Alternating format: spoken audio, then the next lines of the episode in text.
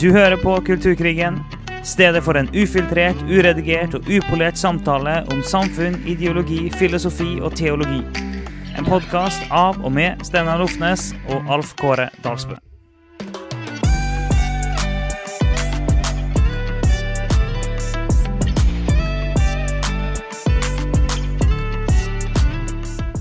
Ja, OK. Ok, velkommen. Da er vi i gang med del to av episoden her, eh, med, der vi går inn og ser på den eh, seksuelle revolusjonen. Um, og eh, i kontrast til skapelsen er jo litt rammen for denne episoden her. da. Dette er jo del to. Vi har hatt del én, og da sier det seg sjøl at hvis du ikke har hørt del én, så anbefaler vi deg å høre den før du hører den her. Yes, og det er jo noen uker siden vi tok opp den første delen, så vi trenger sjøl liksom å snakke oss litt inn i, inn i temaet nå. Men har, det er jo bra uansett å sette litt sånn settingen, da. Eh, Vi har jo en liste som vi begynte på, av masse forskjellige temaer. Og vi skal fortsette på den, men eh, vi må liksom tilbake igjen til å forklare hva all verden er den seksuelle revolusjonen, og, og, eh, og ta vårt utgangspunkt, som er skapelsen. Ja, vi må, vi må tilbake der. For vi, vi tror at eh, skapelsen viser oss eh, Guds gode rammer. Gud skapte verden, og han sa det var godt. Og Det viser oss Guds gode rammer. Derfor vil vi gå tilbake dit. Og vi hadde to skriftsteder som var definerende for denne episoden. her. Det ene det er Første Mosebok eh, 1, 26-28 og Matteus 19, 4-6. Vi kan bare lese dem opp før vi, eh, før vi går videre. Det, I Første Mosebok 1, 26-28 så står det og Gud sa, la oss gjøre mennesker i vårt bilde etter vår lignelse. Og de skal råde over havets fisker, over himmelens fugler, over feet, over all jorden, og over hvert kryp som rører seg på jorden. Og Gud skapte mennesket i sitt bilde. I sitt bilde skapte han det til mann og kvinne skapte han dem. Og Gud velsignet dem, og Gud sa til dem, vær fruktbare og bli mange, og fyll jorden, og legg den under dere, og råd over havets fisker og himmelens fugler, og over alt levende som rører seg på jorden. Første Mosebok, og så tar vi og leser opp Matteus 19, 4-6. Han svarte og sa, har dere ikke lest at han som skapte dem fra begynnelsen, skapte dem til mann og kvinne, og sa, derfor skal mannen forlate far og mor og holde seg til sin hustru, og de to skal være ett kjød. Så er det ikke lenger to, men ett kjød. Derfor, det som Gud har sammenføyd, det skal et menneske ikke skille. Så det er altså Skapelsen er rammen for det vi snakker om her, men vi mener at skapelsen er jo rammen for alt. Og vi, mener, og vi mener at ekteskapet er rammen for all seksualitet. Det er det vi mener ut ifra de versene her.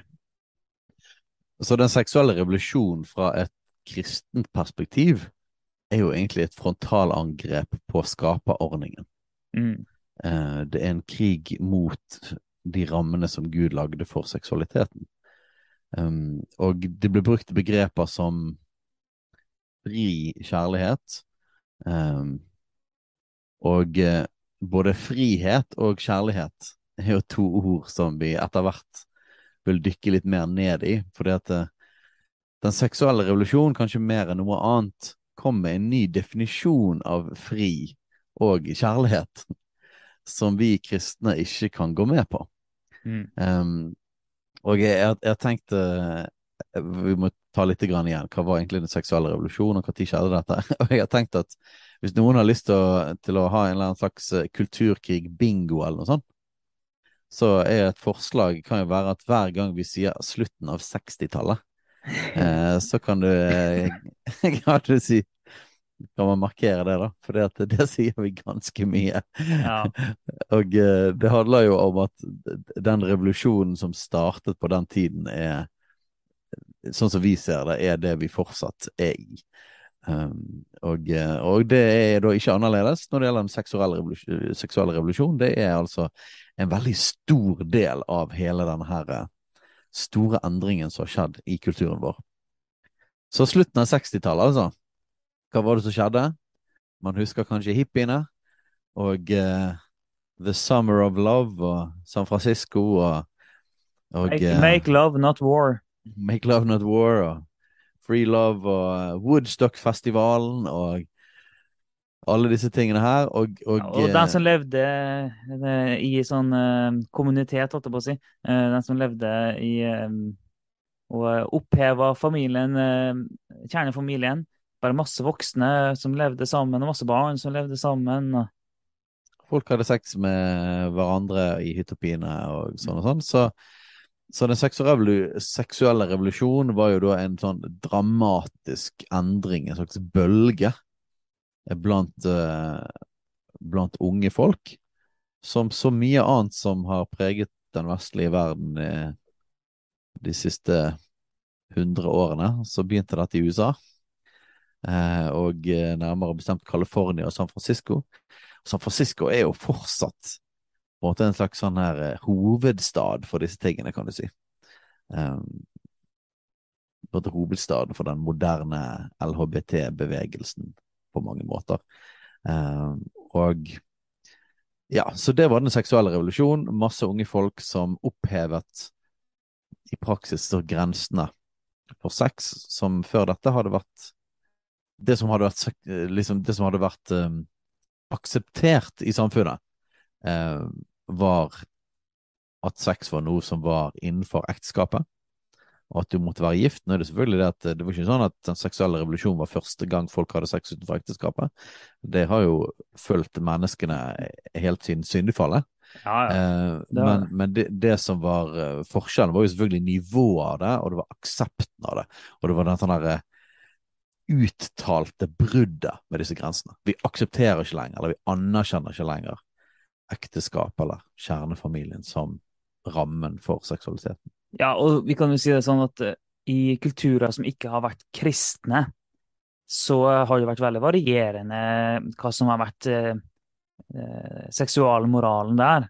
Det, det, har vært veldig varierende. Men i, uh, i kulturer som har vært prega av kristendommen i lang, lang tid, så har sex hørt hjemme innenfor rammen av ekteskapet. Vi sier jo selvfølgelig ikke at folk da bare hadde sex innenfor ekteskapet, men det var den kulturelle forståelsen av det likevel. Det som var den, den, det aksepterte. Eh, og det har jo forandra seg radikalt igjen.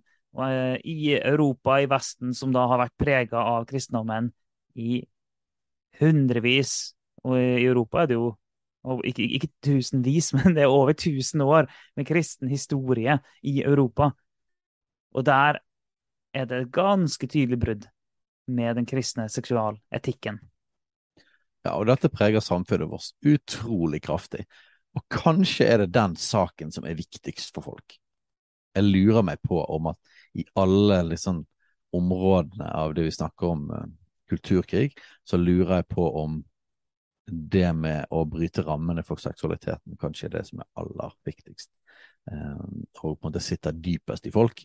Jeg tror det er veldig mye andre politiske spørsmål som folk ikke bryr seg så mye om, men dette tror jeg folk bryr seg veldig mye om. Ja, eh, og, og det, det, går jo på sånn at du sa det med sånn fri sex og fri kjærlighet og sånn. og, og det, det, det, heter, det kalles den seksuelle revolusjonen, men det er jo, det er jo, et, eh, det er jo et opprør og en krig mot selve skaperordninga og ramma som Gud har satt for hele menneskelivet, egentlig og nedrivning av de rammene.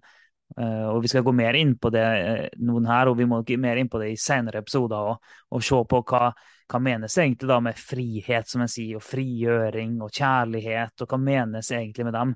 Hva, hva er det folk mener de bruker de ordene? Hva er det Bibelen har å si om de ordene, osv. Ja, så vi har altså gått gjennom en uh, mengde, for, mengde områder som, som, ble, som var del av denne seksuelle revolusjonen. Eh, den første var det med sex utenfor ekteskapet eller uavhengig av ekteskapet. Det andre var å ha mange seksualpartnere eller one night stands og kulturen på det. Eh, tredje var skilsmisse og forståelsen av av eh, ja, hva ekteskapet er for noe, pakt og forpliktelse og sånne ting, som òg eh, ble koblet på samboerskap så både skilsmisse og samboerskap, egentlig. Eh, så snakket vi om feminisme, altså mann- og kvinneroller og kjønnsroller og de forskjellige tingene der. Det var det et stort oppgjør med, hva det tradisjonelle kjønnsroller. Abort var en utrolig stor eh, del av den seksuelle revolusjonen, og en, på en måte en slags kan du si, en nesten sånn automatisk konsekvens av at når mange folk hadde sex utenfor ekteskapet, og det da kom barn, så var det jo da dramatisk eh, Utrolig mange flere barn som ble til uten rammen av familie og pakt. Mm. Eh, og dermed, si, i hermetegn, folks opplevde behov for abort det ble jo da mye, mye større. Og så var det òg en, en, teknologisk revolusjon. Eh, med, med konstruksjonen eller laging av p-pillen, som gjorde at kvinner hadde en mye større kontroll over om man ble gravid eller ikke. Det hadde jo fantes prevensjon og sånn før det, men det var jo en sånn revolusjon i, i prevensjon eh, fra denne tiden her.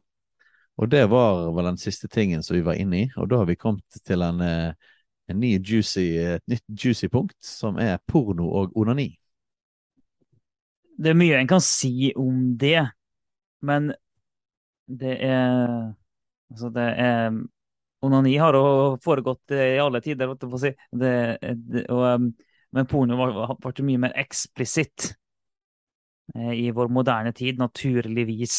Eh, jeg med etter hvert med bilder og videoer og blad. og alt, no, no, I dag er det jo all internettporno og porno som folk lager sjøl, osv. Men det er jo altså, Den seksuelle frigjøringa har jo resultert blant annet i en pornoeksplosjon i samfunnet vårt. En aksept for det, det er jo én ting. Og med bare sånn tilgangen på det er jo helt ekstrem. Og den feiringa av fri sex eh, som er. Og så vet vi en kan, en kan, Når vi snakker om porno, kan ta det fra forskjellige vinkler. En kan velge å ta det fra okay, hvor skadelig porno er for relasjonene våre, eller hvordan porno skader hjernen vår, kjemiske prosesser. En kan snakke om hvordan porno fremmer slaveri og menneskehandel. En kan snakke om hvordan porno er kvinneundertrykkende. En kan snakke om, Det er mange sånne ting, men episoden her handler ikke om porno. Dette bare ett punkt i den, som har kommet ut av den seksuelle revolusjonen, som er poenget vårt med å nevne det her. At det er en konsekvens, som vi ser i dag. Ja, og det ble jo Og nok en gang, som alle disse tingene her, slutten av 60-tallet så ble det en eksplosjon av porno. Eh, og det, det, kunne jo på en måte aldri skjedd uten den seksuelle revolusjonen. Så det var på en måte løsrivelsen av måte, alle de seksuelle rammene som skapte grunnlaget for det. Og, ja. Eh, ja. Og på samme måte som når vi snakker om både abort og prevensjon, så er det litt sånn Abort og prevensjon eh, eh frikobla eh, sex og potensialet for å få barn. Hvis du, hvis du tar vekk prevensjon og abort, så ligger det selvfølgelig Kvinner er jo ikke fruktbare hele tida, men, eh, men, da ligger det på det i sexen en mulighet for at, eh, at, kvinnen kan bli gravid. Det ligger der som en del av sexen, og det er helt fint innenfor rammen av ekteskapet. Da er det trygg ramme for nettopp det. Eh, og med porno og onani så tar du og frikobler sex fra din ektefelle. At det går fra at sex er sammen, at ekteskapet og at det er en ting en gjør sammen, at det er rammen, til at det er ting en gjør alene. Ja, og uh, ja, vi, vi, tror jo som sagt at rammen for all seksualitet er ekteskapet. Mm. Uh, men til og med på en måte for Pornoen har jo til og med si, endret seksualiteten for folk som ikke vil, altså nødvendigvis ønsker å leve innenfor Bibelens rammer. Mm. Eh, fra at sex er noe som primært er med en annen person, mm. til at det òg er noe som er aleine. Altså en slags virtuell eh, kobling til sex. På, en, på et ja. nivå som, som, aldri noen gang har vært. Jeg tror jo mennesker alltid nok klart å ha fanta seksuelle fantasier Uh, men på en måte det, det, de nivå av tilgjengelighet og stimuli um, som vi har nå pga. teknologien, uh, som òg har kommet mer og mer etter den seksuelle revolusjonen. I begynnelsen på 60-70-tallet så var jo det vel hovedsakelig snakk om blader, men det, også, det var vel sånne pornokinoer, var ikke det? Ja, det var noe sånn greier, da. Um, men, men klart at nå med både smarttelefon og internett og sånne ting, så er jo måte, tilgjengeligheten er jo totalt eksplodert. Ja, og det har gjort sex til en på en måte litt sånn derre eh, Det seksuelle på en måte er òg blitt en sånn privat eh, greie. Noe som er på en måte én person sammen med noe virtuelt. Ja, men det, det, er faktisk et godt poeng det du sier der, at sex har blitt en privat og personlig greie. Eller privat, det er for så greit, det har blitt bare en personlig greie for meg sjøl. Min egen seksualitet. Eh, og vi alle har en egen seksualitet. Men ut fra en kristen forståelse så har ikke den seksualiteten noe som helst utløp uten at det er med et annet menneske i en forpliktende relasjon. Det er det, det, det som er utløpet, det er det som er utfoldelsen til den seksualiteten. Ja, og da, og da er man jo tilbake igjen til noe vi snakket om tidligere, når vi snakket om ja, ekteskap og familie og hele greia, at en kristen måte å tenke rundt sex er at det er noe mer enn det er mer enn nytelse. Og det er mer ja. enn min personlige opplevelse. Det er en bonding. Mm. Det er noe som vi kaller så fint uh, et profetisk bilde.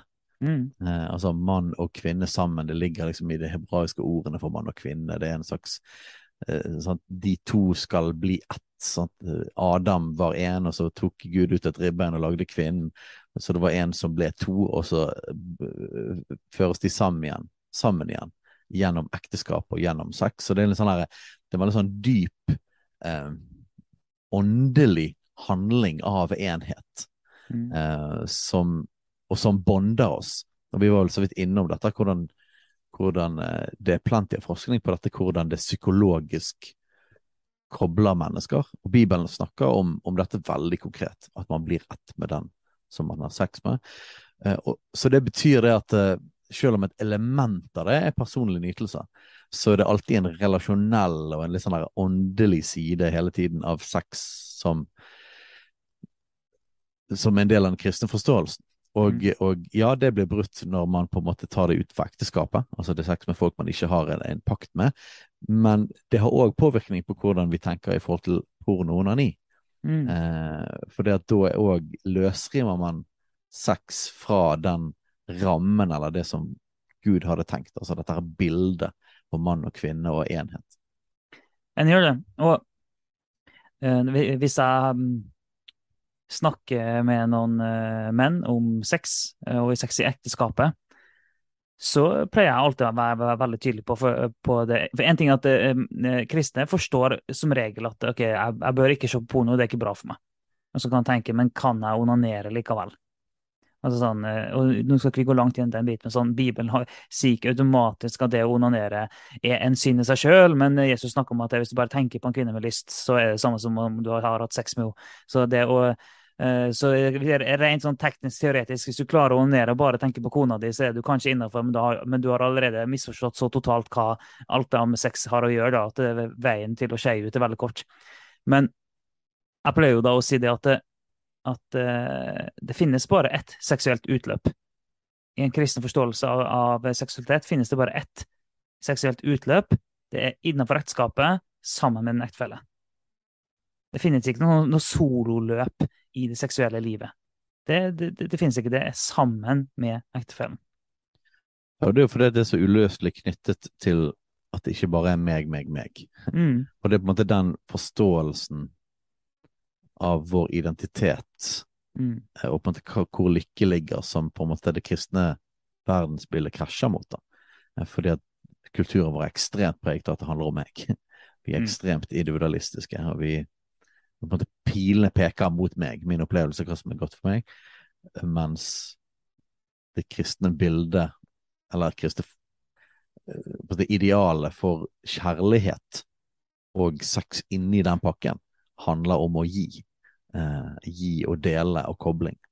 Eh, så Men sånn helt, helt, konkret kan vi si at det, som, det er liksom på det store planet hvordan det bryter, hvordan det med porno, onani, bryter med en kristen forståelse av sex på det store bildet. Sånn, helt sånn spesifikt så kan man si det er mange, mange områder. Sexindustrien er ikke noe som vi kristne eh, kan støtte. Menneskehandel, slaveri, alle de tingene der. Um, men sånn, det aller, aller mest spesifikke er jo det du nevnte. Hva skal kristne tenke om porno og onani? Nemlig at Jesus sier det at det å begjære en annen um, enn din kone, da, altså det, mm. det er synd i seg sjøl. Så, så, på en måte den derre forestillingen, eller den indre forestillingen av å ha sex med noen som du ikke er gift med, den er definitivt synd. Og det er klart det at porno er jo på en måte bare mer, det er jo mer enn å forestille seg. Det er jo utsette hele sanseapparatet mm. for den forestillingen av noen som han ikke er gift med. Um, og så kan man jo da gå videre på de tingene du sa. Eh, hva da i forhold til å Altså, jeg tror nok ikke vi kan si at å begjære sin egen ektefelle eh, i seg sjøl er jo på en måte ikke noe galt. Det er, ikke, det er rett, det. Det er bra, det. Ja, det, altså, det, det er en bra ting. Ja. Så, så, man må bare se da hvor, hvordan forholder man seg til onani inn i hele den greien der. Og, og da tenker jeg som, som en slags tommelfingerregel, så er det på en måte at kristen måtte tenke sex er kobling mellom to som har en pakt med hverandre. Ja, og, og, hvis sex ikke handler om mitt, mine seksuelle behov, og ikke handler om meg, og sex er en ting som alltid hører sammen med min kone, så er den logiske konklusjonen ut av det at uh, da driver ikke jeg og onanerer for meg sjøl. Da styrer så, jeg alt inn, inn mot ekteskapet. Ja.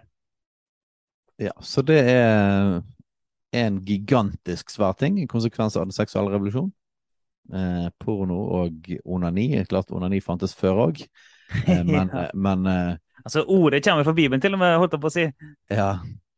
Eh, men koblingen, koblingen, er jo dramatisk, og på en måte Det har aldri vært en del av samfunnet på det nivået. Og det har aldri blitt snakket heller om onani på den måten. Det er jo, en sånn, det er jo et, et tydelig refreng fra kulturen vår i forhold til at onani er sunt. Det er nesten sånn at det er usunt. I, i, jo ikke. Så, så dette, dette, helt klart preger oss, og det preger kulturen vår, og Bibelen har noe å si om det. Definitivt. Um, så det var punkt nummer syv. Vi må hoppe videre. LHBT pluss-bevegelsen snakker om å uh, ha et gigantisk punkt, bare som et lite punkt på vår liste her. Uh, vi, vi, kommer nok ikke unna å måtte snakke om denne bevegelsen i mange mange episoder fra forskjellige vinkler. Mm. Men uh, nå vil vi bare snakke om, om, det i kobling med den seksuelle revolusjonen. Mm. At uh, denne bevegelsen eh, ble startet òg i den samme kulturelle revolusjonen, seksuelle revolusjonen. Uh, noe som pride-marsjen, eller pride-bevegelsen, hele tiden peker tilbake igjen på, er jo The Stonewall Riots. Var det i 69? Nå ble jeg plutselig litt usikker. Ja, Nøyaktig årstall ikke. Ja, Det er så utrolig mye som var både 68 og 69, mm. eh, av både studentopptøyer eh, og eh, hippiebevegelsen og Woodstock-festivalen og Summer of Love og alle disse tingene for, Veldig mange av disse tingene foregår i 1968 og 1969. Jeg mm. husker ikke nøyaktig, jeg tror det var 69, men det er jo et enkelt Google-søk å finne ut av det. Um, kort, kort, om hva som skjedde der. Um, det var altså i New York at det var flere litt sånne undergrunns um, si, utesteder for homofile som var ulovlige og drevet av mafiaen, fordi man fant ut at her var det måtte tjene penger på. Um, og disse var egentlig ulovlige, for dette her var da før altså På dette tidspunktet var altså homofil praksis, eller sex mellom eh, sex med samme kjønn, var forbudt ved lov. Og eh, det som skjedde, var det at politiet begynte å, å pushe mer og mer på disse her eh, utestedene for homofile, uh, og var mer og mer aggressive inn mot de, og, og hvis jeg husker riktig hele Stonewall Riot-greien, så var det nesten sånn at uh, nå, nå, var det nok at hadde liksom, de hadde poket disse tingene såpass lenge at det kom en kraftig reaksjon, og det var flere dagers opptøyer eh, og reaksjoner. Og, og eh, jeg syns jeg husker at det var, var en del politivold. Eh, politi som, som, fysisk angrep og slå, slo masse av disse her eh, de homofile fra disse her barene, de som var med i, i opptøyene.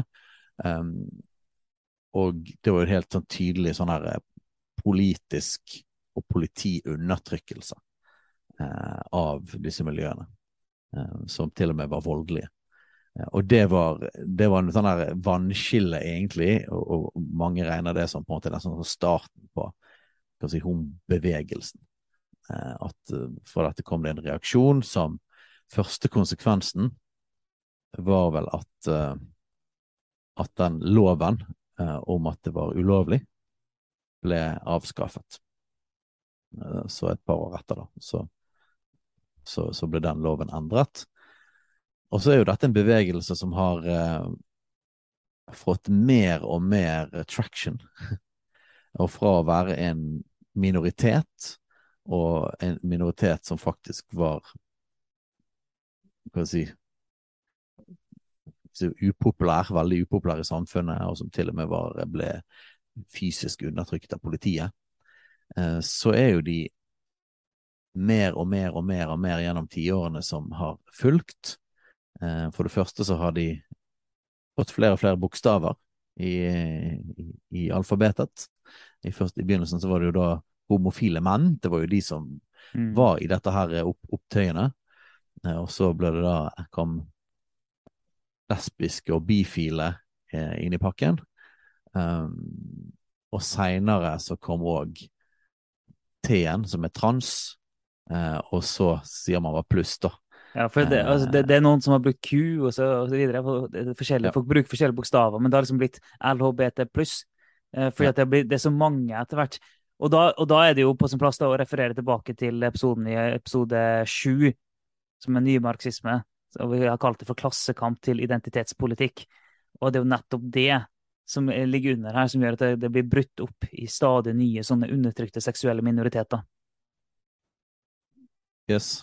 Så denne bevegelsen er jo gått fra å være en lite, lite opprørsbevegelse, og de organiserte seg, eh, og de fikk endret en lov og sånne ting, til å faktisk bli kanskje den mektigste aktivistbevegelsen i hele den vestlige verden. Eh, det er i alle fall Jeg klarer ikke helt å se for meg at det finnes andre bevegelser som får politikere på hele spekteret og næringsliv til å bli med på deres agenda. Og i Norge Hva er det fysiske beviset på dette, da? At dette her må være verdens mektigste bevegelse, er at det finnes vel ingen andre som får lov til å henge opp flagget sitt på offisielle statsbygninger. Mm.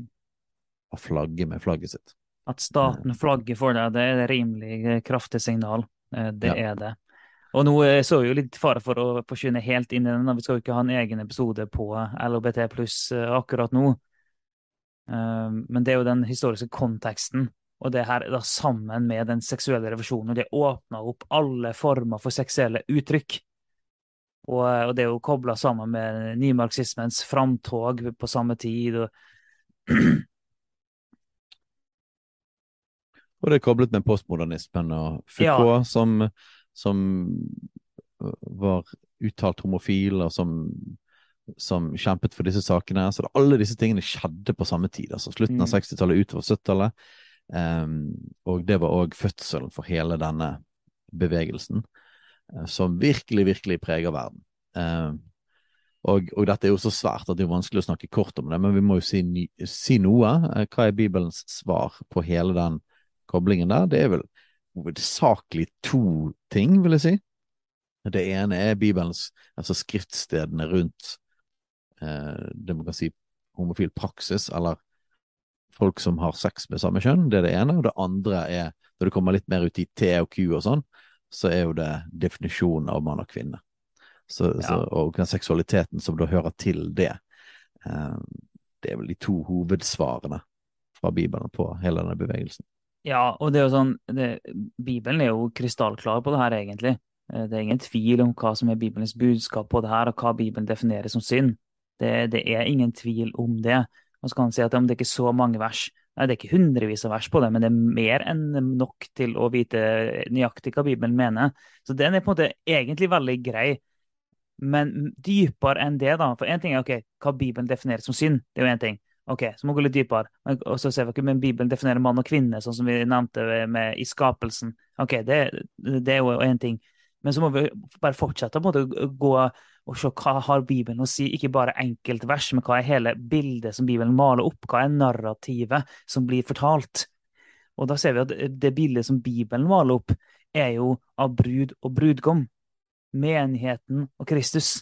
Det er jo det bildet som Bibelen maler opp for oss altså mann og kvinne, i et forpliktende ekteskap.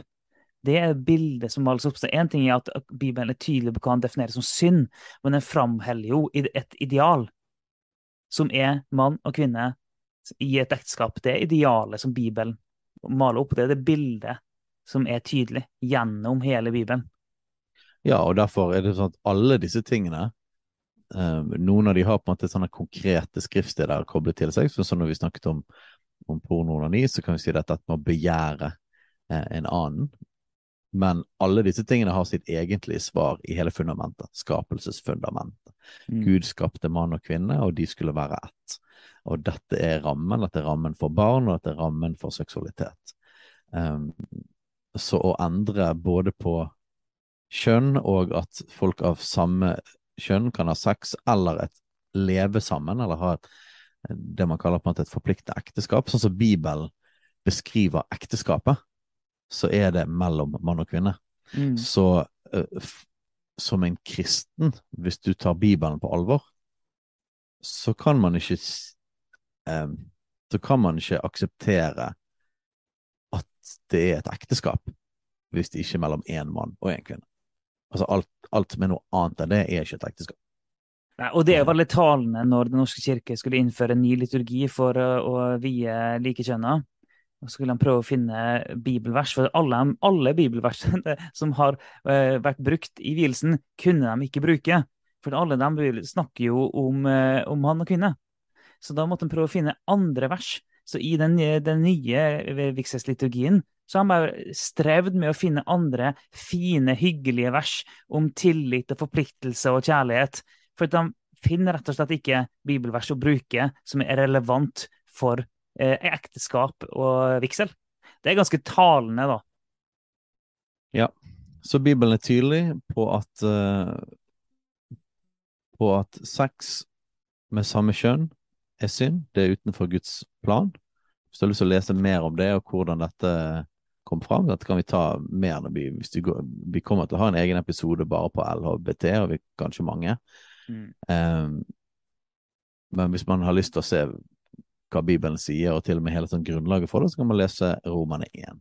Mm. Eh, spesielt siste, siste, del av det kapitlet der, eh, der Bibelen sier helt tydelig at sex mellom med samme kjønn, det er synd. Det er galt. Og det er et brudd med skaperordningen. Det, det, er et brudd med eh, det naturlige. Det står faktisk unaturlig samliv. Mm. Eh, så det er altså annerledes enn det vi var skapt med. Um, så der er Bibelen tydelig, og, og, når vi tar T og Q og den tingen der, så har vi nevnt det flere ganger. Uh, men den er egentlig veldig enkel og grei. Gud skapte mann og kvinne. Uh, og vi er den Vi er det kjønnet som vi er skapt som, og det ser vi på fysikken. Det finnes ikke noe rom i Bibelen for å snakke om å føle at du er noe annet, eller at, at, at Eller som du sa på, eng, på engelsk, så har du gender og sex. Mm. Uh, vi har ikke de samme begrepene på norsk, og det syns jeg egentlig bare er fint. Ja, men, du kan, men, du kan, oppsummere som, kjø, som kjønn og kjønnsuttrykk, da? Ja, kjønnsuttrykk. Uh, men det er ikke like kraftig. For man kan si ja, mitt gender er noe annet. liksom. Som, ja, vel, Bibelen, Bibelen gir ikke noe rom for at det er to forskjellige ting. Kjønnsuttrykk og det biologiske kjønn, det, det, er det samme. Og det er skapt av Gud, og det betyr at, at det er villet av Gud. Um, og det betyr at som alle andre ting som Gud sier at dette er, dette er veien å gå, så har ikke vi som den skapte rett til å gå en annen vei enn det, enn det han har skapt oss til. Så ja, Vi kan ja. gå dypere inn i dette en annen gang, men vi må bare sånn, tydelig slå fast hva er det Bibelen sier på disse tingene. Ja, og, og, hele poenget vårt her er jo hele tida sånn uh, I episoden her er jo poenget å gå tilbake til skapelsen og se, se på hva er Guds gode rammer for hele vår eksistens, egentlig. Og hele podkasten er det å ta opp, tid, ta opp, alle mulige ting i samfunnet og måle det opp mot Bibelen. Og det du sa nå, så har du egentlig allerede toucha punkt ni, som er kjønn. Ja, ja, det er sant. Det tenkte vi ikke på. For T-en og Q-en i denne lange listen er jo er jo trans og queer, så, så da går man jo på kjønn. Men vi lagde et eget punkt på det. Er det noe mer å si om det med, med kjønn i punkt 9, Alf? Nei, vi, vi, kan si så mye om, om, så mye, men vi har egentlig sagt det vi trenger å si der. Eh, hva vi tenker om det, og hva vi tenker at Bibelen har å si om det. Så da er jo punkt ti, da. Poli. Den nye kampsaken. Ja. Eh, trans er hovedsaken nå. Eh, jeg tror at um, mange i denne bevegelsen og mange i samfunnet vil si at, eh, at uh, man har kommet liksom over kneiken. Man har vunnet det D-dagen, kan du si, da, Mm. på homofili, homo, lesbisk, bifil-spørsmålet. Den er på en måte i stor grad vunnet gjennom. Da handler det bare om å fortsatt liksom kultivere befolkningen og andre kulturen på det. Mens transsaken er den store kampsaken. Også. Kampen om rettighetene på det området. da. Eh, Så det, så det du sier da, sier så D-dagen, så sier at trans er nå på Normandie-stranda Jepp. og, og, og, prøver å komme, komme i gang. Ja, og det vil jeg si. Jeg, jeg, jeg personlig tror det at, eh, at uh, flertallet av den norske befolkningen ikke aksepterer transsaken per nå. I høsten 2022. Det tror jeg Ja, ikke man og, og når du sier transsaken, så antar jeg da at, at du mener at, at flertallet av befolkningen egentlig ikke kjøper det at eh, du kan eh, drive og bytte kjønn. Ja, At du ikke er det kjønnet som du er biologisk. Mm. Eh, det tror jeg ikke at flertallet av norsk befolkning egentlig tror på nå. Men på som alle de andre bokstavene, hvordan hele denne kampen er blitt kjempet, så er det med hard retorikk, det er med endring av ord, det er med udemokratiske midler. Eh, og folk er kjemperedde for å si det de mener på det, så folk holder kjeft. Og så etter hvert, når man okkuperer alle institusjoner og lærer opp ungene og, og eh, dominerer mediebildet og underholdning og alt sånt, og avisene, så får man litt etter litt hele befolkningen til å skifte mening. Eh, og Det har man gjort på alle ting, og det er man i ferd med å gjøre på transsaken, men den er ikke vunnet ennå. Og det er betydelig motstand mot transsaken i store lag av befolkningen som ikke, som ikke er kristne. Eh, og det rare er jo at transaktivistene virker nesten som at de er mer aggressive enn de, enn de forrige var. De var rimelig aggressive, de òg. Eh, så hvorfor sier jeg alt dette med transsaken? Jo, for jeg sier det at når den er vunnet Jeg er helt overbevist om at den kommer til å bli vunnet. Jeg håper ikke det. Jeg har jo et håp selvfølgelig om at det skal, skal bli såpass mye motstand i befolkningen mot det. Det finnes jo tegn i Sverige eksempel, til å gå litt tilbake igjen eh, I. Eng I England har han gjort det på en sånn veldig sånn Ja. kjent eh, klinikk der. Han må endre praksisen nå. Ja, så basert på historien fram til nå, da, fra slutten av 60-tallet, bling, Og sa jeg det igjen, eh, så, virk, så, så er på en måte følger det mønsteret, og da kommer de til å vinne gjennom saken helt. Men, men, men eh, man skal ikke ta det helt for gitt. Det kan skje en del interessant de neste årene på det. Grunnen til at jeg tok opp det med transsaken, var det at eh, ved å forstå ideologien og strategien og historien på hvordan denne seksuelle revolusjonen har blitt kjempet, så kan man se hva som er neste sak. Og bare for å Eh. si en ting om det, da. Ja, nå bare avbryt. Ja, det er sånn vi driver på. Ja, ja, ja. Eh, fordi at eh, jeg refererte jo til nymarxismen i stad, og, og transkampen kjempes jo i stor grad med å eh, identifisere trans som en undertrykt gruppe. Og hvis du ser på argumentasjonen, så er den i stor grad utforma på den måten at det er en undertrykt gruppe, det er en sårbar gruppe som må beskyttes, som må hjelpes, osv. Uh, og det, det, og kampen har hele tiden blitt kje- utkjempet på den måten. og Det er en sånn grunnleggende nymarxistisk måte å kjempe på. og eh, En eller annen gang skal vi snakke mer om interseksjonalisme, f.eks. Denne tingen her går igjen, igjen og igjen og igjen.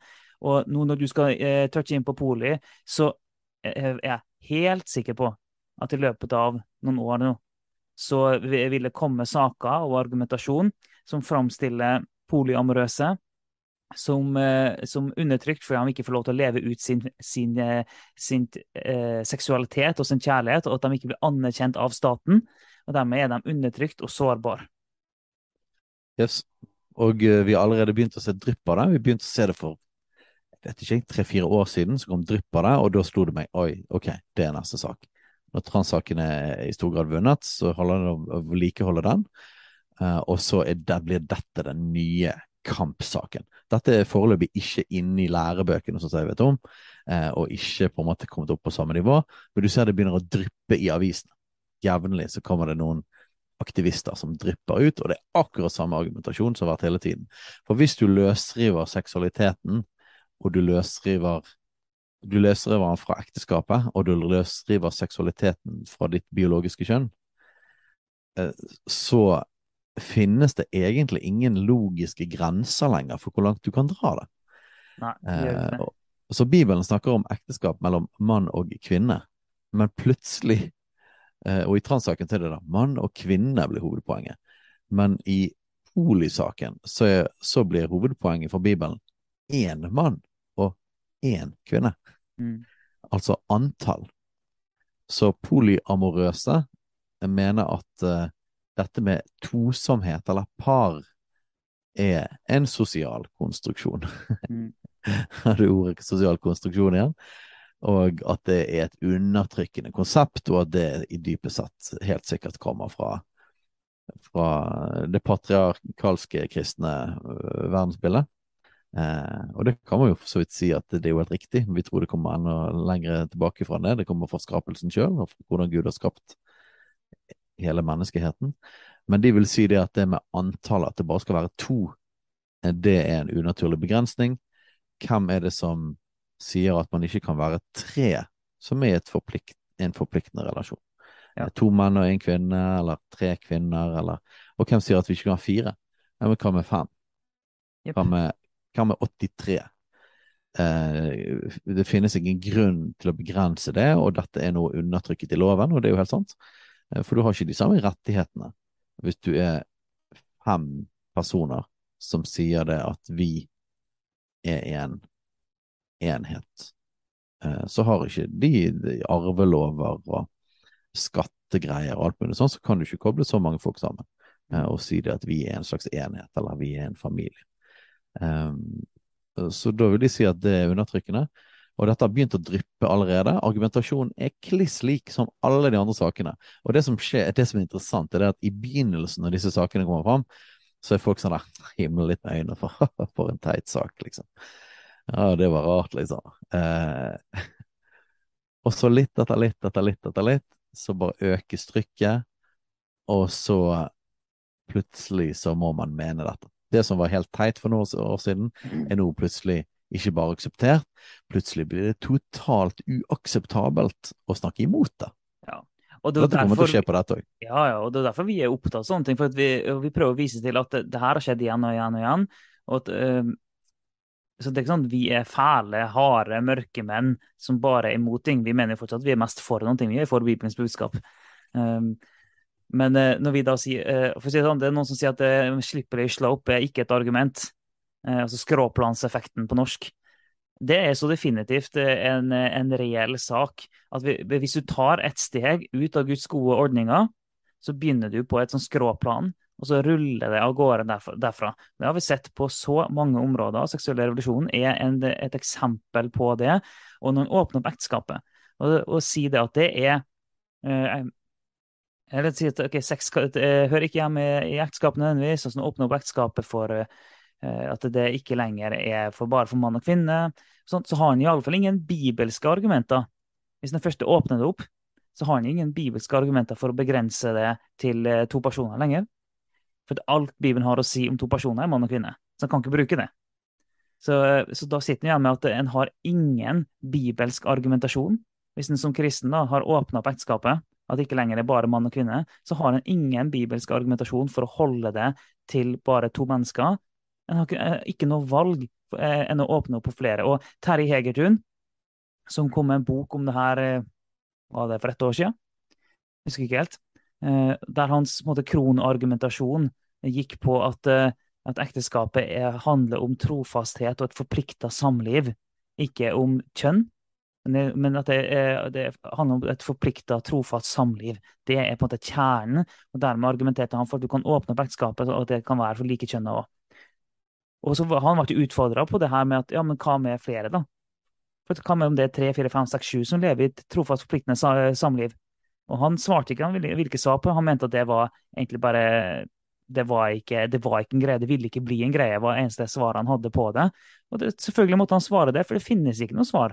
Hvis du først bryter opp, så er det ikke noe valg enn å akseptere at ja, men da er det for flere, så lenge han da lever f.eks. trofast, forpliktende samliv. Og Det er det vi mener med skråplanseffekten. At fjerner du de rammene som du har satt, hvordan skal du i hele tatt klare å holde igjen da?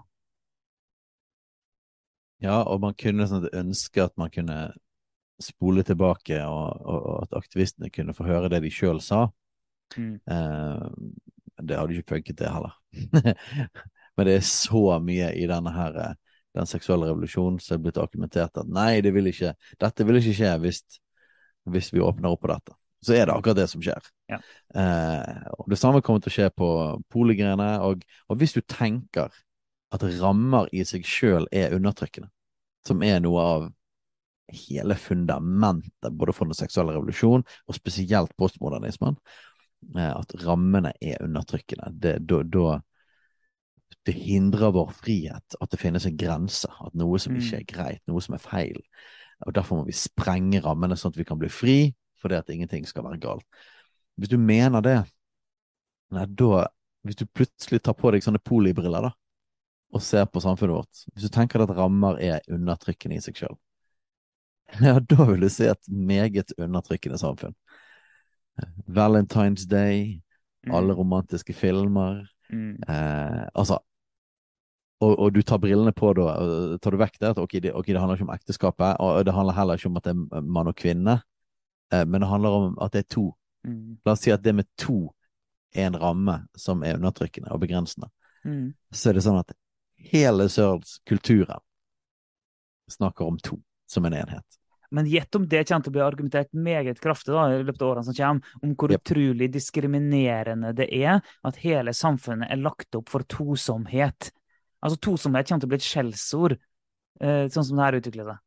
Ja, og da er det jo sånn som, sånn som Pride-bevegelsen har klart å lykkes på for eksempel på, på næringsliv og reklame og, og, og alle sånne ting. Og det, jo- det handler jo om å bombardere oss med bilder som er på en måte normoppløsende. Normoppløsning er noe vi må snakke om senere, men det, det blir puttet i masse partiprogrammer og er basically et postmoderne begrep om å rive ned rammer. Så normoppløsning og normkritikk. Hvis man går inn på min eh, lokale bank, Fane Sparebank sin side, da er det to damer eh, som eh, helt klart er et par som driver og er- ser på nettbanken. Det er for å bombardere oss med bilder av- normoppløsende bilder, normkritiske bilder. Så det vi vil begynne å se da, er at du har tre. Du har Mm. eh, tre og så fire. De kommer sikkert til å begynne med tre.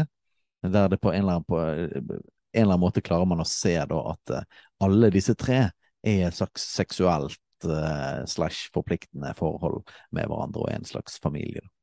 Eh, og nå snakker man jo om mange typer familier. Eh, og ja, nei, da ser jeg at eh, vi har et eget punkt på det, så skal vi ikke, skal ikke hoppe for mye inn i det. Det er punkt nummer tolv, definisjonen av familie. Men, men, men denne poli-greien handler jo veldig, veldig stor grad om oppløsning av det som er familie. Bibelen, Bibelens definisjon av familie. Ja, Og det neste punktet, det, det er jo et heavy punkt. Men hvis du Hvis du kjøper at eh, seksualitet er identitet Hvis du kjøper at eh, det du føler, det du er dratt mot det, Hvis du kjøper at det er den du er, og at det å leve ut din seksualitet, da er du fri. Og det er godt. Og alle rammer som går imot det, er onde, og de rammene må rives ned. Og for å sitere Trettebergstuen fra intervjuet som vi var inne på, at forskning viser at å få leve ut den man er, gjør at man får et bedre liv. Ja. Ok, og når, når når du hører alt det vi har sagt nå, så er det kanskje mange som vil tenke at ja, det er bra. Ja, men hva da om du er tiltrukket av barn? Du er pedofil. Hva da? Hva gjør du hvis du blir bombardert med at du er nødt til å leve ut din seksualitet, og at alle rammer som, eh, som hindrer deg i det, er onde, og vi ingen mennesker skal undertrykke sin seksualitet? Ja, hva gjør du da? Og vi har fått et eget ord etter hvert på det, som, som liksom skal være finere enn å si pedofil. På engelsk er det minor attracted people. Det kalles si, ofte MAP. Så det er minor attracted people. Um, og, det, og, det, og noen vil da tenke at nei, det er altfor drøyt eksempel å bruke.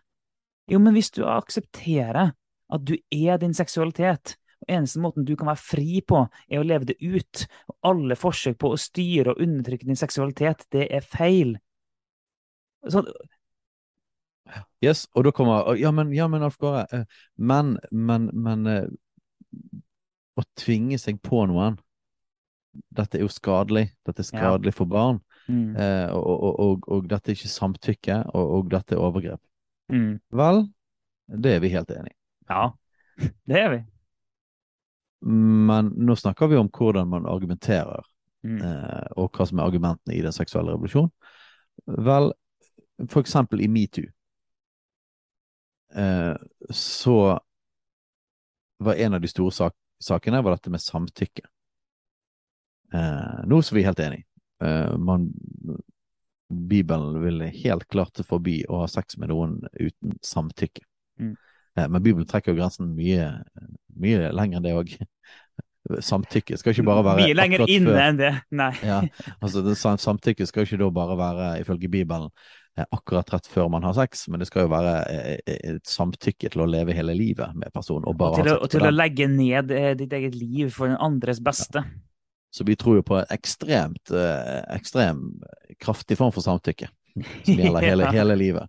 Eh, men i metoo-bølgen da, så snakket man om at det var viktig med samtykke. Det, blir- diskutert om en samtykkelov og sånne ting for å, for hindre voldtekt. Eh,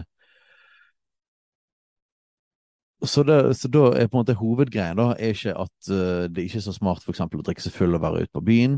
Um, det snakker man ikke om. Man snakker heller ikke om hva med å ikke ha sex, med tilfeldige personer og ha en kultur på at du har sex med tilfeldige personer. Hva med det? Kanskje det kunne vært litt preventivt å, å holde sex innenfor ekteskapet. Uh, det blir ikke snakket om. Men, men for det, da, da, må man, da må man gå imot de hellige, ukrenkelige verdiene for den seksuelle revolusjonen. Eh, så i stedet så snakker man heller om samtykke og banker alt inn på den. Mm. Vel, tenk hvis det finnes noen da som argumenterer for at barn òg kan gi samtykke. Mm. Hva da? Um, og da er vi tilbake til Og det er det jo våre- noen som har gjort! Det er det noen som har gjort. Og fortsatt Og- gjør.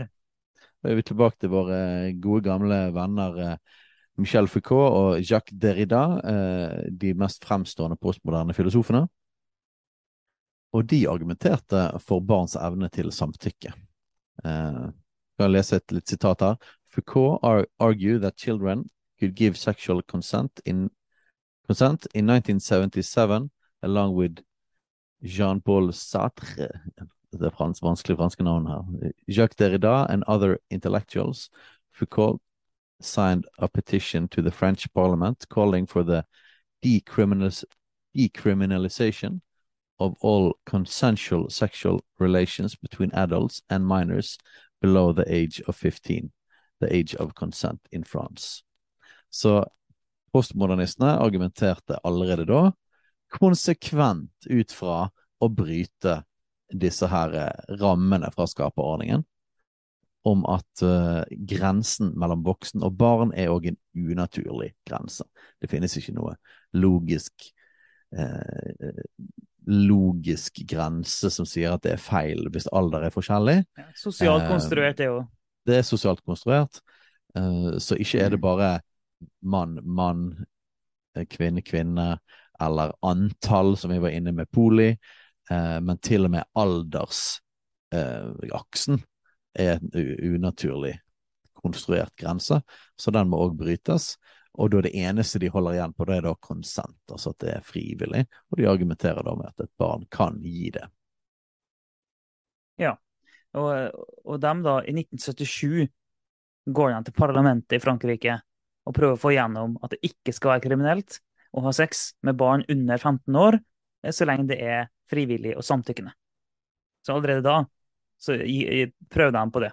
Så, så hvis samtykke er liksom det en baserer det her på, så sliter hun veldig. Og så kan du selvfølgelig prøve å argumentere for at barn har ikke samtykke. De har ikke samtykkekompetanse, som en snakker ofte om i helsevesenet. Ja, du, du kan prøve på å argumentere for det, men det, det, det er ikke akkurat et solid fundament. Nei, og utfordringen Og så som sagt, vi vil være enige med de argumentene, men det er ikke, det er ikke kraftig nok. Nei. Eh, Det kraftigste argumentet er rammen av ekteskapet mann og kvinne. Eh, og og eh, en voksen mann og en voksen kvinne. Så kan man jo definere nøyaktig alder på det og sånne ting. Det, det, det sier ikke Bibelen nøyaktig noe om, men det er helt klart at det er snakk om noe som ikke er barn. Eh, I Bibelen så blir barn definert. Eh, men det er en voksen mann, altså det er en mann og en kvinne, ikke gutt og jente, eller gutt, eh, mann og jente, eller Ja. mann og gutt og sånne ting. Så det er mann og kvinne, altså to voksne mennesker. Så med poli så snakket vi om, antall, og her er det altså en annen akse som handler om alder. Og noen vil si det at haha, helt latterlig å komme med dette her. Nei, dette er en prakt, det er en helt logisk konsekvens av den seksuelle revolusjonen og postmoderne tankegang. At denne tingen òg kommer til å bli utfordret. Den har begynt å bli mer utfordret ja, ja. de siste årene. Han kommer til å bli mer utfordret. Jeg tror den kommer til å sitte mye lenger inne. Eh, fordi at instinktet til, til de aller fleste menneskene er at dette er feil, og dette er galt, og dette er, er utnyttelse av barn. Og det er vi 100 enig i. Ja, Og heldigvis så, heldigvis så er det et sånt instinkt som strider imot. På samme måte som det er et instinkt som strider imot eh, polyamorøse forhold. Det er et instinkt som, eh, som, som reagerer på dette med at du kan skifte kjønn, og at du er et annet kjønn enn det du er biologisk. Men kjære menneskehet som hører på denne podkasten, det er òg et naturlig instinkt i oss mennesker som reagerer på mann, mann og kvinne, kvinne. Mm. Kulturen kan med heftig press og med ideologisk opplæring fra barnehagealder av, som vi nå ser i Norge på både homosaken og transsaken, så kan man endre på praksisen på disse tingene. Og det har vært samfunn før som har gjort det, når det gjelder det som har med alder å gjøre, og antikken er jo kjent for det. Det der er jo eh, Det her er vi Jeg husker ikke noe av det til at vi kan eh, gå langt inn i det nå, men det er, det, er jo gjort uh, forskning på det her, og en har sett på at uh, før en sivilisasjon har kollapsa måtte Opptakten til en kollaps i en sivilisasjon, det er en seksualitet som har spunnet helt ut av kontroll. Det, senere, altså det, det, det, kan bli en egen episode senere, så bare kast deg ut der. Men eh, at det, en ser at det er en del av opptakten til en sivilisasjon som kollapser. Ja, det det, det er mye som kan tyde på at hele denne kulturelle revolusjonen og den seksuelle revolusjonen, som kanskje er den viktigste delen av det, faktisk er signaler om en kollaps av sivilisasjonen vår. Ja. Eh, Og så den Med en sånn eh, altså seksuelle revolusjonen og en nymarxistisk postmoderne tankegang og argumentasjon, så er noe av poenget vårt her er å vise til at da får du sånne ting som poli og minor attracted people, og, en hele tida skal bryte opp, rive ned rammene og, og prøve å åpne opp nye rom for seksualiteten sin utfoldelse. Og da prøver vi å si at det er ikke bra. Det er Guds gode rammer for oss som er bra. Og, og det, og så, det, vi trenger faktisk å holde oss innenfor dem. Vi trenger faktisk å styre vår seksualitet. Det er det som er godt for oss mennesker. Det Bibelen har vist oss i alle, alle år, er det som er godt for oss. Men så nå, nå, nå jeg har lyst til å bare si én ting til på, på, på denne her eh, minor attracted people-greien. Eh, du var innom det helt i starten. Og det er dette her med seksuell identitet. For vi, har, vi har snakket om det. Både i episoden med Richard og, og i en annen, jeg husker ikke når. Eh, så, jo, når vi snakket om det med Trettebergstuen og sånne ting, dette med den jeg er, Ja. eh, og, og seksuell altså legning eller, eller identitet. Og vi vil si igjen her, vi tror ikke at det finnes mennesker som er pedofile. Mm. Vi tror at, at det finnes seksuell tiltrekning. Men vi tror ikke at noen er skapt sånn, eller lagd sånn, og at det er sånn man i utgangspunktet fra Guds side er skapt. Vi tror at en naturlig seksualitet for et menneske er at man har en tiltrekning til motsatt kjønn, og, og det er voksen til voksen. Det er sånn vi er designet. Og så kan det skje masse forskjellige ting, eh, eh, og ting som skjer på nivået over det, der det kan bli endret, og der følelsene våre kan bli endret. Og det kan være kraftig, og det kan være voldsomt, og det kan det, er det òg for mennesker i denne situasjonen at de opplever en tiltrekning til, til barn, eller folk som er mye yngre. Eh, og dette kan være veldig kraftig for dem. Ja. Men, men ut fra Bibelen så kan vi ikke akseptere at det er en identitet, eller det er sånn de er. Og dermed, på akkurat samme måte som alle de andre tingene, vil vi si at vet du hva, Bibelens rammer for seksualiteten er faktisk det beste for de òg. Eh, og så får man heller da få hjelp med hva kan være grunnen til at man opplever denne tiltrekningen. Eh, men vi tror ikke at svaret er at, at mamma skal slå seg til ro med at dette er min identitet. Dette er bare sånn jeg er. Nei, vi, vi, vi vil jo da avvise den tanken om at, eh, at seksualitet er lik identitet. og Derfor må vi, og da må vi avvise tanken om legning og seksuell identitet, for vi mener at det er ikke kobla sammen. Det er, seksualitet handler om atferd, eh, det er ikke identitet. Identitet er noe vi får fra Gud, Mm. utenfor oss sjøl. Den er ikke basert på og definert ut av hva vi føler og hva vi er tiltrukket av. Og det er Um, jeg vet at Mange bruker det med seksuell identitet og identifiserer seg veldig med det. Men det er jo, jeg tenker at for noen som da er tiltrukket av barn, så må det være veldig frigjørende å få lov til å høre at du er ikke det du føler. Du er faktisk ikke det du føler. Det definerer ikke hvem du er. For dem er det frigjørende. Og det sier noe om at den argumentasjonen som brukes, da, er helt ødelagt. Fordi at eh, de aller fleste vil si at, eh, at en eh, pedofil ikke skal leve ut sin seksualitet. Så der skal den plutselig eh, eh, leve avholdent, eller den skal styre sin seksualitet, men ikke på noen andre områder i samfunnet. Og alle skjønner at en sånn logikk funker ikke. Ja, masse spennende ting der, og eh, vi får sikkert masse folk som er sinte og provoserte etter alle, alle episodene våre. Og, så eh, i tilfelle du syns at det var mye vanskelige punkter her, eh, og vil, jeg, jeg, jeg kan høre folk på internettet fra framtiden som hører på denne, som skriker og sier at dette er noe helt annet. Kan ikke sammenligne disse tingene her, dette er noe helt Ja. annet. Dette er... Vel, det får du mene. Uh, vi er 100 enig i alle de andre argumentene uh, i forhold til at dette er skadelig, Mm. uh, og altså det som har med, med, med, med utnyttelse av barn seksuelt. Vi er helt enig i alle de andre argumentene i tillegg, men man kan ikke, som en kristen, si at det er bare de tingene Ja.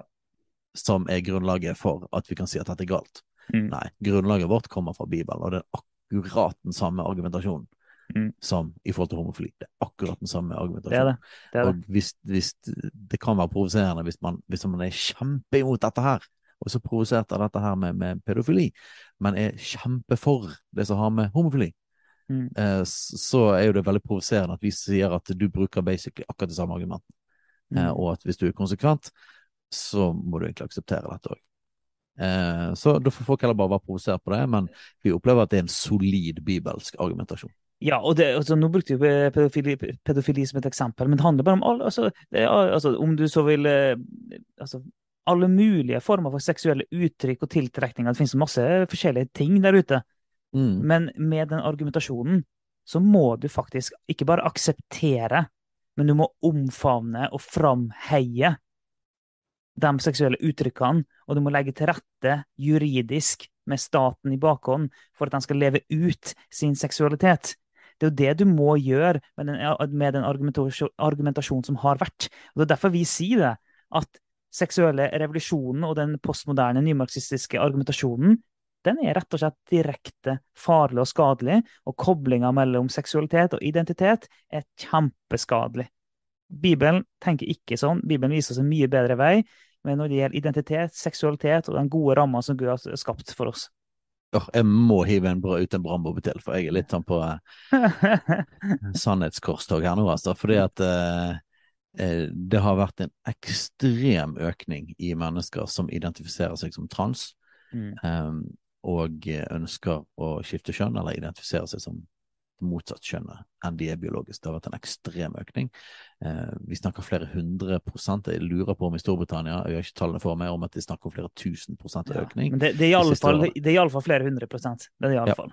Eh, Så det er en ekstrem kurve, og, og dette er ikke noe kontroversiell statistikk engang. Dette, dette er ganske enkelt og greit. Eh, det som har skjedd, er basert på undersøkelser. Det som er kanskje mindre kjent, at i samme tidsperiode så er det en eksplosjon av overgrepssaker og folk som identifiserer, seg som minor attracted. Det følger akkurat den samme eh, Det er akkurat den samme linjen, og det følger den seksuelle revolusjonen. Det er en konsekvens av den seksuelle revolusjonen. Det er en konsekvens av måten vi tenker rundt identitet og seksualitet, og en nedrivning av rammene.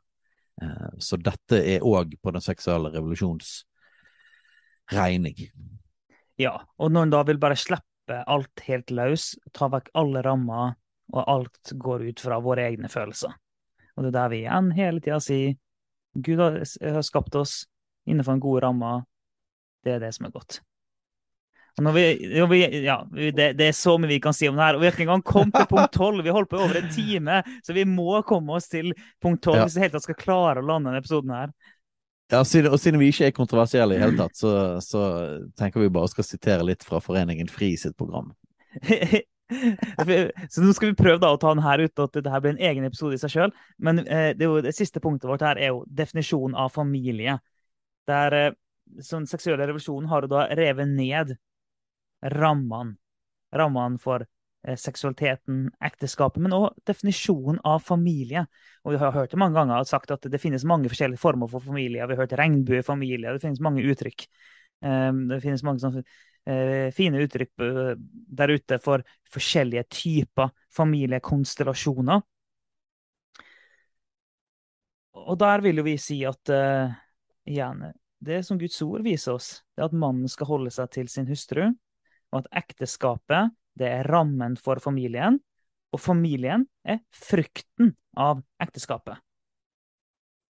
Så du har sex er inni rammen av ekteskapet.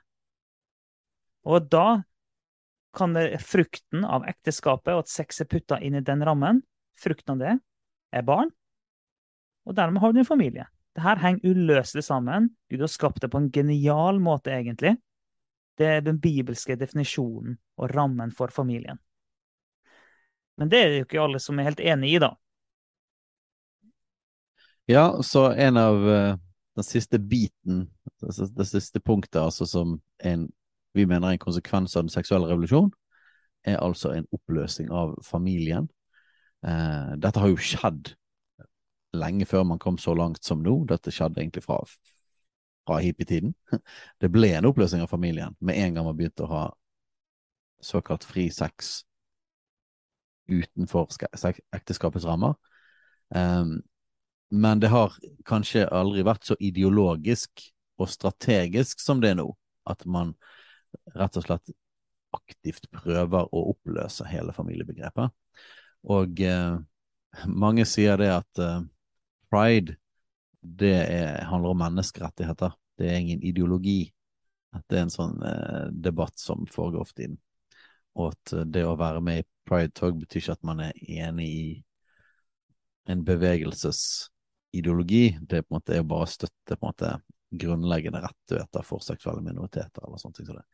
Eh, oi, jeg har veldig lyst til å hoppe ned i et rabbit hole da på Oh. Nei, du, må du hold your horses, Steinar. Vi, vi, vi, vi, kan lage 300 episoder denne podkasten hvis vi vil. Og vi, må prøve å lande dagens episode. Ja, og jeg skal ikke ta andre sammenligninger med andre typer bevegelser da som ja, Nei, det skal, for det skal vi nemlig snakke om en annen gang. Det, det, det, det har vi en plan om. Uh. Men jeg vil påstå det at ideologien til en bevegelse har noe å si. Til og med om de kan flagge som sine liksom populærsaker, sine enkeltsaker, kan være veldig ofte sånne allmenne-saker. Og de er jo designet for at, å kunne samle så bredt som mulig. De er jo designet for å få så bred støtte som mulig. Eh, de, de, de, flagger ikke øverst de mest kontroversielle sakene. Men den ideologien ligger i bunnen. De, de, de sanker støtte, og de får momentum gjennom å å, å snakke om breie saker, som for eksempel kjærlighet. Er du imot kjærligheten? Nei, hvis du ikke er imot kjærligheten, så er du med oss. Det vi ikke sier, det er alle de tingene vi faktisk har planlagt. Men det er jo veldig enkelt når det gjelder Foreningen, foreningen Fri, for du kan bare inn på websiden deres, og så kan du lese deres politiske program. Så kan du se hva de står for. Og disse er de som arrangerer Pride-marsjen og alle disse tingene. Og dette er det de jobber for, dette er det de vil bruke pengene de får statsstøtte for. Dette er det de vil bruke støtten av de såkalt 70 000 som gikk i, i marsjen med de, som viste seg å e-, egentlig være en løgn eh, og bruk av tall. Eh, og hvor mange var det egentlig var, eh, Alf Kåre?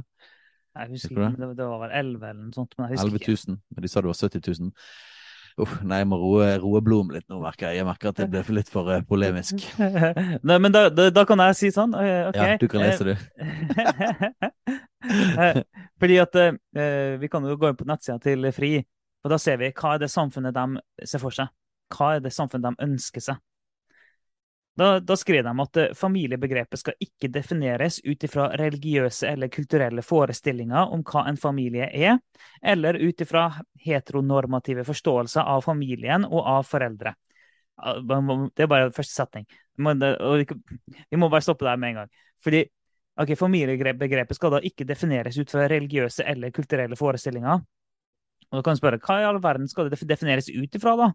Skal det bare defineres ut ifra hva vi føler til enhver tid? Altså, hva, sånn, det, altså, hva i all verden skal det defineres ut ifra? Ikke religiøse eller kulturelle forestillinger. Uh, Så det skal ikke defineres ut fra de versene som vi har lest hele tiden, iallfall. det, Så det, det er iallfall ikke ikke- Mo- Mosebok og Jesus kristent, ord. ja, i hvert fall ikke kristent eller muslimsk, eller noe sånt der. det. Er ikke de rammene, i alle fall. Heller ikke fra kulturelle forestillinger. Interessant spørsmål ikke det ligger en liten sånn her eh, sosial konstruksjon-tankegang under her, da. Ja. At kulturen vår er bare sosialt konstruert, så vi kan ikke la de tingene definere det. Og når kulturen vår i mange hundre år har vært prega av, eh, av kristen kultur, så er det klart. Men OK, så, så skrev han videre at FRI legger til grunn at det er nærheten i relasjoner som først og fremst definerer en familie. Du sa ikke det med heteronormativ, men det er det sånn? Ja, jeg, jeg, vi kan kommentere det nå hvis du absolutt Ja. vil, men jeg prøver å komme videre her nå. Ja, ja, beklager. Oi, blodet mitt koker for mye nå, altså, men heteronormativ, bare legg merke til det begrepet. Ja, det, det er så mye vi kan si her, men eh, Men ja, Frida sier at det, det er nærheten i relasjonene som skal, det, som skal definere det. Og så skrev han videre at familiebegrepet er ikke statisk. Ok, Så det er nærheten som skal definere det, og det er ikke statisk. Og så skrev jeg videre mange LHBTI-personer har det vi kaller den valgte familien. Og det kan være partner eller partnere, eh, så bare der er en poliåpning, eh, eller venner. Og så står det samfunnet må anerkjenne viktigheten av disse familiene. Ok, Så når jeg da skriver at det er nærheten som må ligge til grunn og definere familien, familiebegrepet ikke statisk, og jeg snakker om den valgte familien, og han snakker om at det kan være mer enn bare én partner med flere partnere. Det er, eh, det er mange ting jeg sier der, men bare det, du, her, her hører vi at her er det mye greier. Men eh, for eksempel altså, er det en total, fullstendig avvisning av biologi. Biologi er tatt fullstendig ut av ligninga for hva som er en familie. Og når vi snakka tidligere om at, eh, at eh, i en kristen forståelse av familien, så er det ekteskapet, en mann og en kvinne som er, går sammen om et livslangt, forpliktende samliv. Og de har sex. Og frukten av det er barn, og barnet hører til innenfor den rammen. Og det er biologi hele veien. Men i, men i FRI så er biologi tatt fullstendig ut av hva en familie er. Så det er ganske Det er ganske Det er en helt annen definisjon da, av familie. Og utrolig vagt. Nærheten i relasjoner, som først og fremst definerer en familie. Ja. Så hvem er det som definerer? Det er subjektivt definert. Mm. Og det er definert av noe så lite konkret som nærhet.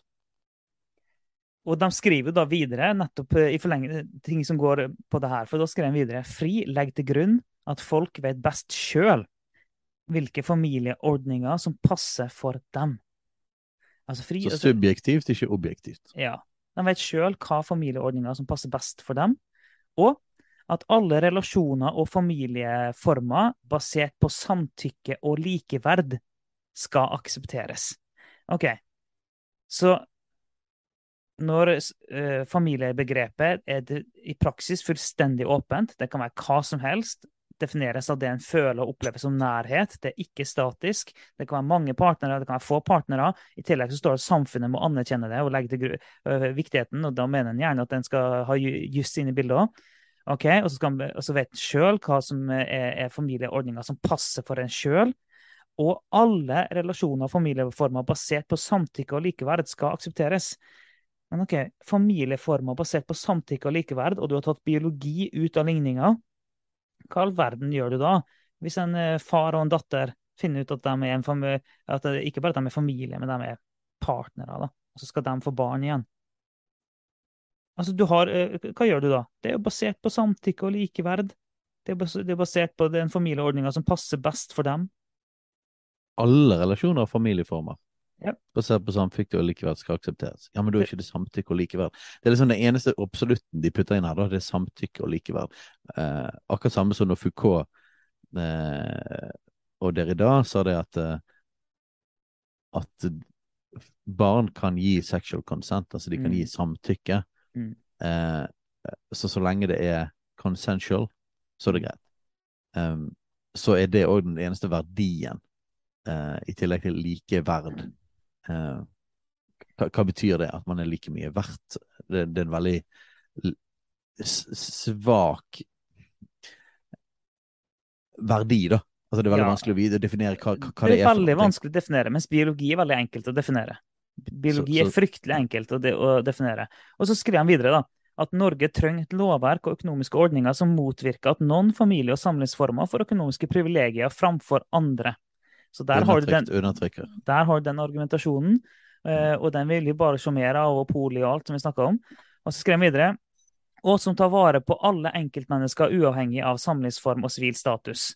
Og vi mener jo selvfølgelig at vi må ha et lovverk og økonomiske ordninger som tar vare på hele samfunnet vårt. Det, den, den er jo grei nok, den. Absolutt. Men- Alle enkeltmennesker vil vi skal bli satt vare på. Ja, det vil alle enkeltmennesker, men, eh, men vi vil ikke ha et eh, lovverk som er uavhengig av samlingsform. Det vil vi ikke ha. Og så skal jeg videre FRI mener at fullverdige og like rettigheter knytta til valg av familie, igjen valg av familie, eh, skal være en selvfølge. Det, Hva for eksempel med barn som ønsker å velge å være en del av en annen familie? Hva argumentasjon har man for at det ikke er greit, hvis du tar vekk biologi, for eksempel? Ja, så eh, hvis du tar dette vekk fra biologi, da, altså at, eh, som du har sagt flere ganger nå, eh, ekteskapet er rammen, en mann og en kvinne. Eh, Innenfor den rammen så har man sex, og det fører til barn, og da har du familie. Det er måten vi ser Sånn blir en familieskap. Det er familiebegrepet, som de kaller heteronormativt. Vi sier at det er Guds skaperordning, og det er koblet på biologien. Hva, hvis du tar vekk biologien, eh, og, og dette handler om en subjektiv opplevelse, hva da hvis du har eh, et barn som mener det at jeg vil ikke være en del av denne familien, jeg vil være en del av en annen familie. Eh, faktisk så det er ikke en annen familie med, med en mann og en kvinne som har barn. Denne andre familien, det er venninnen min. Mm. Eh, og vi har eh, bestemt oss for at vi har samtykket med at vi vil være en familie. Eh, så jeg går ut av denne familien. Og biologi har ingenting å si lenger. Hvordan skal du argumentere mot det? Du har ikke noen argumentasjon. Og hvis du da kjøper det med at eh, jeg er det jeg definerer meg som, den postmoderne tankegangen eh, Jeg er det jeg definerer meg som, det er jeg som definerer hvem jeg er, og det jeg føler, det er den jeg er. Og jeg identifiserer meg som eh, pappaen til dine barn. La oss si at jeg gjør det. Jeg identifiserer meg som pappa til dine barn, Steinar. Eh, Så da går jeg inn i din familie så sier jeg, jeg er pappa til dine barn. Det er det jeg identifiserer meg som. Det kan du ikke du si noen ting imot, for da er du undertrykkende mot meg. Du er nødt til å akseptere det jeg identifiserer meg som, og du må tiltale meg med det pronomet som jeg ønsker. Og jeg er da pappa til dine barn. Um, Og så lenge du da har eh, fått samtykke fra barna, nettopp. Eh, og det er basert på samtykke og likeverd, så må ifølge dette fullverdige og like rettigheter knyttet til valg av familie. Så hvis, valg så av hvis familie. dine barn er enige med meg om at eh, jeg er deres far, ja, da, og biologi er jo ikke en del av familiebegrepet, tydeligvis, da, ifølge FRI, ja, men da må, da, eh, da må du akseptere at eh, dine barn ikke lenger er dine, eh, de er mine. Så dette står det videre, da. Dette innebærer at alle mennesker, uavhengig av kjønnsidentitet, kjønnsuttrykk eller seksuell orientering, skal ha mulighet til å stifte familie. Så alle varianter. Og her kommer, ja, Jeg kan jo lese videre. jeg sier det mitt med det. FRI mener at det må være mulig å registrere sin valgte familie i offentlige registre. Altså valgte familie, begrepet du bruker istedenfor at dette er biologisk bestemt, slik at denne respekteres i spørsmål om foreldreansvar, arv, helse, permisjon og bisettelse. Så man vil altså kjempe for like juridiske rettigheter og lover på disse tingene. Og så kommer politingen inn. Fri mener at ikke-monogame relasjoner mellom flere enn to mennesker som er basert på likeverd og samtykke, det er de to absolutte verdiene de har, likeverd og samtykke, at dette skal ha samme rettslige vern som de som lever i parrelasjoner. Så her ser vi at, at Foreningen FRI helt rett fram, tydelig og klart støtter hele polisaken. Ja. og at det skal bli Og at uh, rammen for det som er ekteskapet, som jo allerede har blitt endret, men uh, at dette skal fortsette uh, å bli brutt opp, sånn at alle mulige slags varianter av valgt familie skal ha samme rettigheter og være like, like akseptert i samfunnet, inklusiv mange forskjellige folk. Så dette er konsekvensene av den seksuelle revolusjon. En total oppløsning av det som er biologisk familie, eller som Bibelen definerer som familie. Og noe Poenget med den, de her to episodene her har vært å vise til konsekvensene av seksuell revolusjon, hvordan vi ser det i dag, og vise til at argumentasjonen for å åpne opp for noen ting åpner opp for veldig mye andre ting. Eh, og at Bibelen viser oss en helt annen måte å leve på. Bibelen eh, forteller oss en bedre historie. Bibelen viser oss et bedre liv. Bibelen eh, viser oss eh, en bedre livsutfoldelse som mennesker med vår seksualitet og alt sammen. Vi har jo som en litt sånn verdi i denne å være så saklige og rolige som mulig, og ikke få opp pulsen altfor mye. Det er ikke alltid vi klarer. Eh, men det er klart at eh, sant, grunnen til at man blir engasjert og trykker litt på, sånn som jeg har gjort nå, er jo det at det er jo rystende for oss. Det er rystende ja, det er det. for oss, og vi opplever det. det jo direkte, altså undergravende for hele samfunnet. Eh, mm. og for hvordan vi er skapt. Og vi, og vi, opplever dette her som er beskrevet blant annet på slutten her i Foreningen FRI sitt politiske program. Vi opplever det som en sånn en, en, en, ødeleggelse av samfunnet. Som en, en, veldig, veldig seriøs ting. Som en kristen så vil vi si at ikke bare har Bibelen en definisjon av familie, men vi tror det at familien, kjernefamilien, er grunnsteinen i samfunnet og mm. byggingen av samfunnet. Og løser du opp den, så er det som å putte en uh, bombe inn i liksom kjernen av samfunnsbyggingen. Mm. Så, så, det er ingen tvil om at uh, at dette ikke er en sånn her uh, nøytral ting for oss. Vi, vi, vi, opplever at dette her er kjempefarlig, kjempeødeleggende, og at den seksuelle revolusjon har ikke innfridd på noen av de områdene den har lovt, nemlig mer frihet og glede. Uh, det er ikke mye tegn på det, og det kan vi gå videre inn på seinere, for vi kommer til å snakke om seksuell revolusjon i en episode til, og gå inn i definisjonen av frihet og definisjonen av kjærlighet. Og vi kan muligens også gå inn på noen av statistikkene som viser at den seksuelle revolusjonen har ikke, ikke innfridd på disse områdene. Eh, men derimot har revet ned og skapt et kaos og en identitetskrise mm. eh, som ikke ligner på kanskje noe annet vi har hatt før. Mm. Ja, det er veldig mye som kunne vært sagt. Og, er, og når vi eh, leser fra partiprogrammet til FRI, så eh, ja, vi blir provosert. Og vi, syns, det er oppriktig, oppriktig skummelt, vi.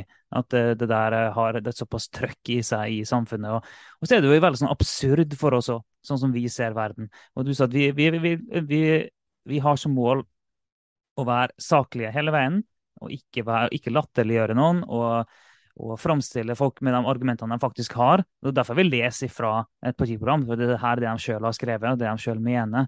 Og så merker jeg at eh, når vi, av og til når vi leser, så blir det så absurd for oss at vi må, må le litt av og til. Og så, jeg, så jeg har ikke noe ønske om å latterliggjøre noen, men det blir så absurd for oss av og til. Eh, hvordan en tenker om sånne grunn, grunnsteiner i hele livet.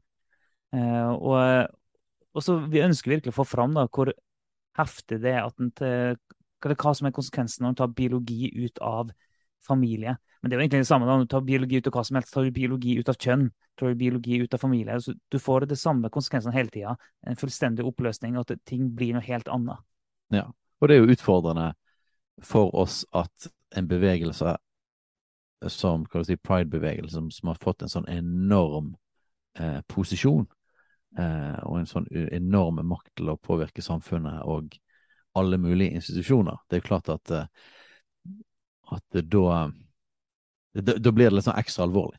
Eh, og det blir Mm. òg det blir også mer provoserende når de så eksplisitt ønsker å ødelegge eh, noe som er så sentralt og så viktig for oss, og så sentralt i den kristne tro. Det er jo klart at det er vanskelig å holde seg veldig nøytral til det. Altså dette er, det er et ganske alvorlig Nøytrale er vi absolutt ikke. Det, Nei, nei, nei, nei men, det, ja, men det er vanskelig å holde seg rolig for det, det er Ja. så et alvorlig angrep på en sånn kjerneting i forhold til hele på en måte skapelsesrammene. det blir vanskelig, for det, det som for dem eh, blir framstilt som en enorm frigjøringskamp. Eh, For oss oppleves det som et, eh, et, et angrep på alt av fundament og grunnmur i samfunnet. Så vi tror på kjærligheten, vi. Vi tror Mhm. på friheten. Det skal vi snakke mer om. Ja, fundamentalt uenig. ja, i i hva det faktisk ordene. er for noe. Ja. Både ja, frihet, eh, kjærlighet, identitet, alt sammen. Vi, vi har ikke noen annen valg enn at vi må ta en hel episode på det òg, Yes. for å få landa det her skikkelig. Men jeg tror vi må lande i dag, for nå har vi holdt på i en og en halv time cirka, så det, det tenker for at ikke det, det som skulle være del to, blir del to og tre, så jeg tror jeg vi skal prøve å lande det her. Ja, men det er bra. Men et viktig tema, så eh, to be continued med mer om den seksuelle revolusjonen. Yes.